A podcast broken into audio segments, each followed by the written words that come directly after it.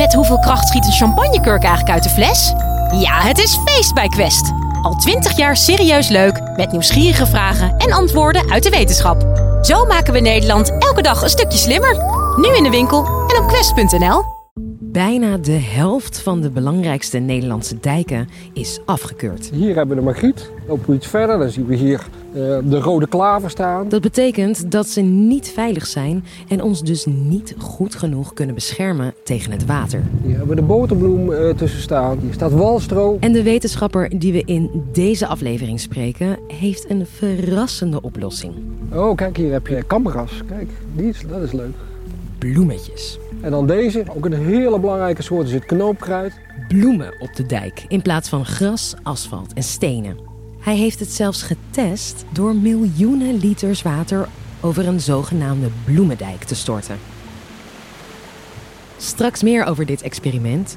Eerst maar eens naar die dijk vol bloemen. Dit is de Universiteit van Nederland. En voor het antwoord op de vraag: hoe zorgen bloemen dat de dijk niet breekt? Zijn wij bij ecoloog Hans de Kroon van de Radboud Universiteit. We ontmoeten hem op een bloemendijk bij Balgooi in Gelderland. Langs deze dijk loopt rivier de Maas, die een paar jaar geleden gevaarlijk hoog stond. We stond hier aan de voet van de dijk. Ja hoor. Dit is echt een dijk eh, die onze voeten droog houdt van het land waar we wonen en werken, hier aan eh, de binnenkant. We hebben zo'n 17.000 kilometer aan dijken en kades in Nederland. Uh, dat is een enorm aantal. Uh, en zo'n 3700 kilometer daarvan, die zijn de belangrijkste. Dan noemen we dat de primaire dijken. Dijken die ons beschermen tegen het water van de zee en van de rivieren. En wat blijkt nou, van die 3700 kilometer is zo'n 1500 kilometer, uh, die is niet helemaal in orde. Die dijken zijn afgekeurd.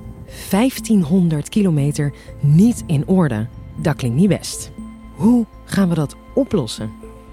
Voor 2050 hebben we met z'n allen afgesproken, moet dat in orde zijn. Er zijn dus veel versterkingsprojecten om die dijken helemaal veilig te krijgen en zorgen dat we droge voeten houden. Oké, okay, we hebben dus nog zo'n 25 jaar om de dijken toekomstproof te maken. En als het aan wetenschappers ligt, gaan die dijken er dan anders uitzien dan nu. Dit is nou een stuk dijk in Nederland eh, waar een prachtige, bloemrijke eh, dijk tot ontwikkeling is gekomen. Waar eh, we van genieten, maar wat, zo blijkt uit ons onderzoek, ook heel goed is voor de dijkveiligheid. En dat is precies wat we hier aan het onderzoeken zijn. Het overgrote deel van de dijken die we hebben in Nederland zijn nog steeds de, de klassieke 100% grasdijken. Er kan af en toe eens een klavertje of zo tussen staan, maar niet veel meer wat je nu kan hebben op het moment dat je alleen maar een grasdijk hebt. En daar gaan die enorme hoeveelheden water gaan daar overheen. Dan heb je kans dat het water eronder slaat en dat dat als het ware als een matje wordt opgerold. Dan, dan, wordt, dan wordt eigenlijk die hele bovenlaag wordt er gewoon van afgestroomd. Zo wordt een dijk alleen maar zwakker en zwakker. Dat moet anders. En Hans denkt dus dat dat met bloemen kan. De bloemen op de dijk uh, zijn de toekomst. Het is een hele sterke dijk, het is een heel aantrekkelijke dijk en het is een dijk die goed is voor de natuur. Kijk, hier zie je al de enorme rijkdom ertussen staan. Uh, de magriet, een uh, hele algemene soort die soms een heel wit tapijt maakt. Als we goed kijken, groeit er van echt van alles tussendoor. Hè? Dit is een klimplant de wikken. Uh, hier hebben we de rode klaver staan. Heel bijzonder, het is een hele zeldzame soort, beemkroon. Uh, vormt uh, van die mooie lila bloemen. Vaak met hele eigen insecten daarbovenop. een soort die, die we echt koesteren. Op een stuk wat we hier nu zien, dan komen we in totaal zo ongeveer 45 verschillende soorten tegen. 45 verschillende soorten planten. En dat krioelt hier door elkaar heen. Het is inderdaad hartstikke mooi om te zien, al die bloemetjes. Ze zien er alleen niet zo sterk uit. Het zijn van die bloemetjes die je in een wild boeketje vindt, met van die schattige steeltjes. Hoe gaan deze breekbare bloemetjes ons dan beschermen tegen het woeste water?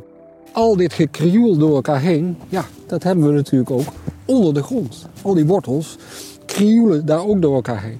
En dat geeft nou precies de stevigheid. Ah, nu komen we dichter bij het antwoord op onze vraag. En uh, Hans schept ondertussen met veel moeite een stuk grond uit de bloemendijk.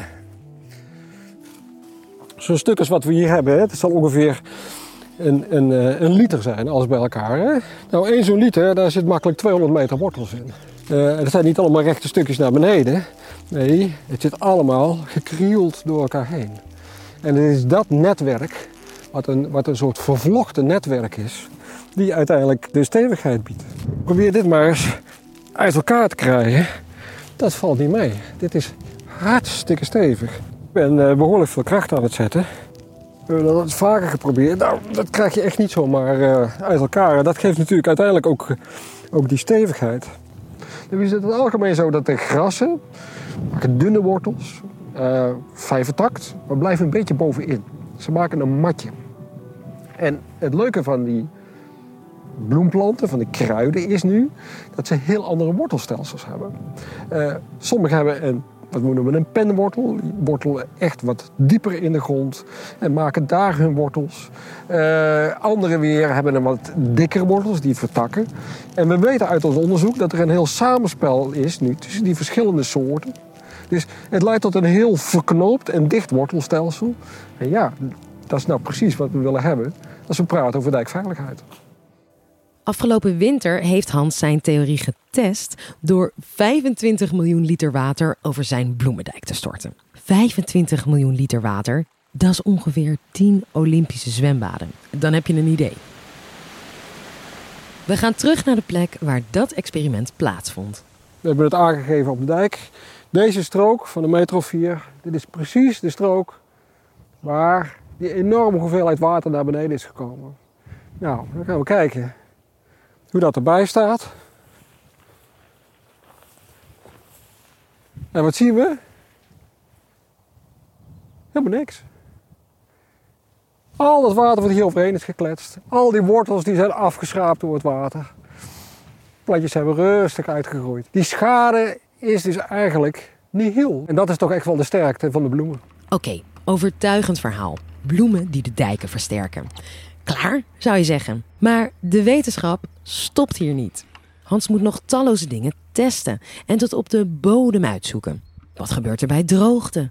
Bij verschillende typen grond? Wat is het juiste moment van inzaaien? Welke bloemen zijn onmisbaar? Op de campus van de Radboud Universiteit heeft Hans een proeftuin gebouwd met mini-bloemendijkjes. We hebben hier in de proeftuin uh, vier proefdijkjes aangelegd. Uh, zo ongeveer een meter hoog. En uh, op die proefdijkjes liggen veldjes waar we verschillende combinaties van planten hebben ingezaaid. Wat we hier in de proeftijden dus aan het onderzoeken zijn, is welke mengsels die uiteindelijk ertoe leiden dat je een snelle vestiging hebt van de wortels.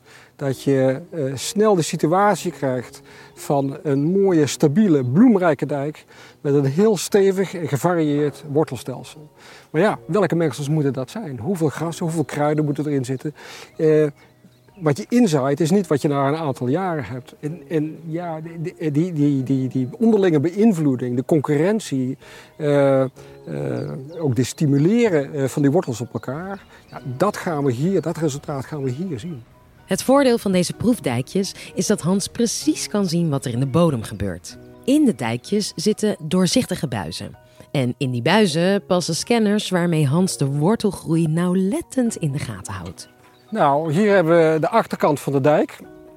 Uh, hier hebben we uh, de scanner waarmee we de foto's maken. Die scanner die stoppen we in die buis. En uh, dan kunnen we ervoor zorgen dat hij keurig ronddraait en een prachtige foto maakt van het oppervlak. En dan kunnen we precies zien welke worteltjes daar zitten, in behoorlijk detail. En hier hebben we dan zo'n foto zoals die uh, eruit komt. En uh, wat we dus zien is, uh, nou ja, de bruine bodem en alle bodemdeeltjes. en dan zie je er overal zie je die witte sliertjes zie je daar doorheen. Als we natuurlijk op precies dezelfde plek beelden maken door de tijd heen, kunnen we die met elkaar vergelijken. En dan zie je heel goed of er een worteltje verkleurt en op een gegeven moment ook verdwijnt.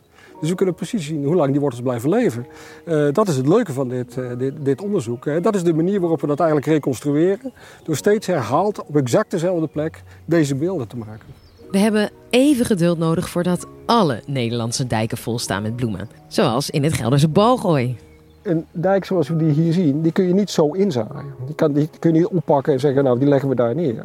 Dit is echt een combinatie van de juiste mengsels van grassen, kruiden, eh, de juiste condities, het juiste beheer. Planten die moeten uitgroeien. Eh, en het duurt uh, toch al gauw een jaartje of vier, vijf voordat die dijk ja, ja, voldoende stevig is, voor die, die, die plantensoorten zijn uitgegroeid hopen te doen, daar kijken we ook tegelijkertijd naar, kunnen we die ontwikkeling versnellen? Kunnen we nou zulke mengsels inzaaien dat die, die, stimulans van die wortelgroei, ja, dat dat meteen leidt tot, ook, tot, tot een, een sterkere beworteling. Dus dat nemen we wel meteen mee. En als we daar een paar jaartjes kunnen winnen, nou ja, daar zouden veel dijkbeheerders heel blij mee zijn. Dankjewel Hans voor al je geduld en je eindeloze gestaar naar worteltjes. Dat bloemen ons gaan beschermen tegen het water, dat had ik niet gedacht. De toekomst ziet er rooskleurig uit. Vond je dit nou een leuke aflevering? Geef ons dan even een like. En heb je deze aflevering beluisterd als podcast? Je kan de Bloemendijk van Hans en deze hele aflevering ook bekijken op YouTube en op Spotify. Dankjewel voor het luisteren en tot de volgende!